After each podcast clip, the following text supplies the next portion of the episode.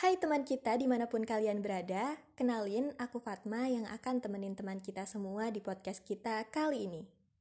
Gimana nih teman kita kabarnya? Semoga sehat-sehat dan dijauhkan dari segala penyakit ya. Apalagi sekarang ini virus COVID masih mewabah di Indonesia. So, kita semua harus patuhin protokol kesehatan yang ada, gak usah keluar-keluar rumah kalau nggak perlu-perlu amat, biar virusnya cepat pergi dan kita bisa kembali hidup normal lagi. Ngomong-ngomong nih teman kita, aku kan tinggal di Bogor, dan sekarang ini suasana Bogor lagi senja sendu, alias hujan di sore hari. Suasana gini tuh enaknya kita santai-santai sambil ditemenin teh manis hangat. Ya nggak sih? Udah gitu duduknya di dekat jendela, terus putar lagunya Kahitna yang judulnya hampir jadi. Aduh, paket lengkap banget gak sih? Paket lengkap banget buat dengerin podcast kita kali ini.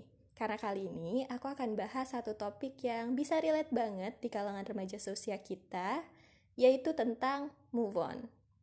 Satu minggu yang lalu, aku sempat bikin questions box di Instagram aku, dan di sana banyak banget yang kasih saran untuk konten podcast. Tapi saran terbanyak dari followers Instagramku itu tentang move on ini.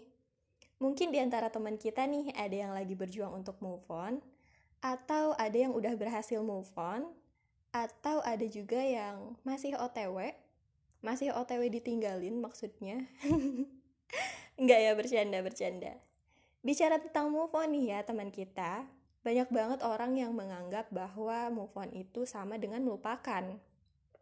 Nah, ini nih, ini yang menjadikan proses move on kamu bisa gagal terjadi. Karena konsep move on itu sebenarnya bukan melupakan. Menurutku, Move on itu ketika kamu bisa berdamai dengan keadaan dan membiasakannya. Kayak misalnya nih, kamu lagi ada di acara reuni, terus ada pasangan lama kamu, si mantan itu.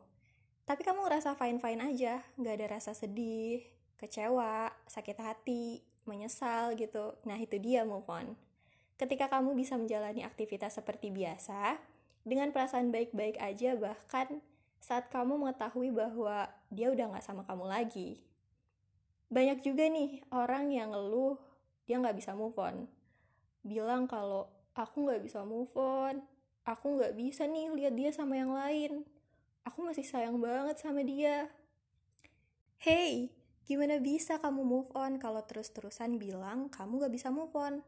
Itu secara gak langsung mensugestikan pikiran kamu untuk kamu gak bisa move on. Jadi, ucapkanlah hal-hal yang positif, karena move on itu datangnya dari diri kamu sendiri, dan hanya akan berhasil jika kamu benar-benar niat untuk move on. Um, memang berat sih, itu nggak bisa dipungkirin memang berat. Yang tadinya setiap hari ada yang kasih kita perhatian, ada yang kasih pujian, ada yang marahin kalau lagi bandel males makan, tapi tiba-tiba udah di tengah jalan. Kayak kosong aja gitu. Kebiasaan-kebiasaan yang sering dilakuin bareng udah nggak ada lagi. Aku bisa merasakan fakta bahwa itu sulit. Memang sulit untuk merelakan dan membiasakan diri kita tanpa dia. Orang yang pernah memenangkan hati kita pernah kita utamakan pernah sebegitu berharga dan baiknya sama kita. Tapi sedih itu wajar kok hidup kita juga harus terus berjalan kan tanpa adanya dia di samping kita. Kita nggak boleh ngegantungin kebahagiaan kita ke orang lain. Kita harus sadar bahwa kebahagiaan kita itu ya di diri kita sendiri. Oke? Okay? Kemarin-kemarin sebelum aku bikin konten ini, aku tanya teman-temanku dulu. Apa sih yang bikin kamu susah move on? Dan banyak banget jawabannya dan macem-macem juga. Tapi yang paling banyak nih alasannya karena kenangannya terlalu banyak momen yang udah dilewatin bareng, jadi tiap saat keinget terus gitu. Kita buka handphone, ingetnya dia. Kita lewat jalan ini, ingetnya dia, karena dulu sering lewat situ bareng. Kita makan es krim, ingetnya dia, karena dulu sering dibawain es krim sama dia. Setiap saat, apa yang kita lihat, kita inget dia gitu kan.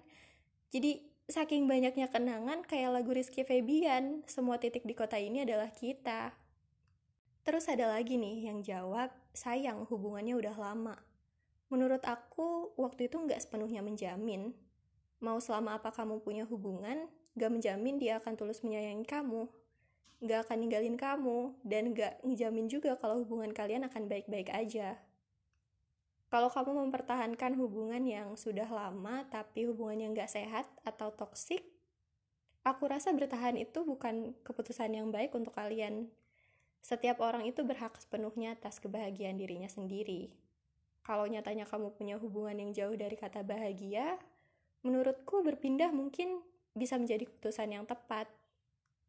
Terus ada lagi nih yang jawab how he treat. Jadi dia susah move on karena perlakuan mantannya itu ke dia. Dulu dia baik banget sama aku. Dulu dia perhatian banget sama aku. Dulu dia kasih apa aja yang aku mau. Dulu dia selalu temenin aku. Dulu dia memprioritasin aku banget. Um, entah sih tapi bukannya ketika orang suka sama kita itu orang itu akan baik ya sama kita. Ngelakuin apa aja dan itu hal wajar kan? Memang seharusnya gitu gitu. Terus banyak lagi deh pokoknya jawaban-jawaban lainnya.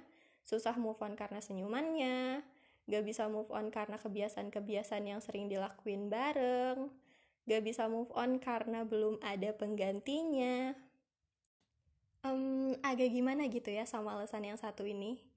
Karena bisa jadi yang kamu anggap sebagai pengganti itu cuma untuk mendistract pikiran kamu biar kamu gak keinget lagi sama mantan gitu. Jahat sih kedengerannya. Tapi semoga bukan itu ya maksudnya. Ya apa pun alasannya semoga teman kita yang lagi berjuang move on bisa berhasil dengan cara kalian masing-masing karena move on itu kan gak segampang kita ngomong aku udah move on loh kita tetap harus menjalani prosesnya, proses move on itu gitu. Mungkin di sini aku juga mau berbagi tips move on versi aku. Untuk teman kita semua, aku nggak tahu sih ini akan berhasil buat kalian juga atau enggak, tapi ya bisa untuk dicoba lah. Yang pertama, tips move on dari aku yaitu menerima. Kalau kamu mau rasa sakitnya hilang, rasa sakitnya pudar, kamu harus terima dulu rasa sakit itu. Karena mau sekuat apa pun kamu menolak rasa sakit itu, ya itu cuma melelahkan hati aja. Cara fungsi otak kita itu unik ya teman kita. Coba deh, kalau aku bilang jangan pikirin apel. Jangan pikirin apel yang bulat warnanya merah itu, jangan. Jangan pikirin apel yang rasanya manis. Terus sekarang aku tanya, yang tadi kalian pikirin apa? Apel kan? Artinya semakin kita menolak, maka akan semakin melekat semakin kita menolak rasa sakit itu, maka semakin melekat rasa sakitnya. Jadi kita harus terima aja dulu rasa sakit itu. Memang sulit, tapi itu kan bagian dari prosesnya dan kita harus lewatin itu gitu. Nah, tips yang kedua adalah tanggung jawab. Setelah kamu menerima tadi, kamu juga harus bertanggung jawab. Maksud bertanggung jawab ini tuh kamu harus bisa paham gitu bahwa perpisahan ini terjadi karena keputusan atau langkah yang kamu ambil sebelumnya. Memahami bahwa dalam satu hubungan itu bukan hanya tentang satu pihak aja. Permasalahan yang ada mungkin timbul karena keduanya. Jadi, bertanggung jawablah akan hal itu. Nah, setelah kamu bersedih tadi, kecewa, menangis, meratapi, kamu juga harus lanjut berdiri lagi menjalani aktivitas seperti biasa dan berlatih membiasakan diri tanpa si dia. Oke, okay, tips yang ketiga dari aku yaitu mengevaluasi. Kita bisa belajar dari setiap kegagalan kan, termasuk kegagalan dalam asmara ini. Dari setiap pelajarannya itu kita bisa mengimprove diri kita untuk menjadi versi kita yang terbaik lagi gitu. Ini sebenarnya ada kaitannya sama maksud aku tadi yang di awal, move on itu bukan tentang melupakan. Karena menurutku kalau kamu melupakan mantan atau kenangannya itu gimana kamu bisa ngambil hikmahnya? Gimana bisa kamu mengambil pelajaran dari kisah itu gitu. Padahal kegagalan itu kan ada supaya kita bisa belajar bisa memperbaikinya agar lebih baik lagi ke depannya kan. Jadi kalau aku lebih memilih untuk berusaha membiasakan diri daripada untuk melupakan. Jadi intinya untuk teman kita yang ingin move on, cobalah awali dengan niat dulu sungguh-sungguh. Terima rasa sakitnya, maafkan dia dan diri kamu sendiri, hadapi dan lewati prosesnya karena kamu harus bertanggung jawab atas hal ini. Karena hal ini juga ada karena keputusan dan langkah kamu yang kamu ambil sebelumnya. Evaluasi dan belajarlah memperbaiki diri untuk kehidupan yang lebih baik lagi.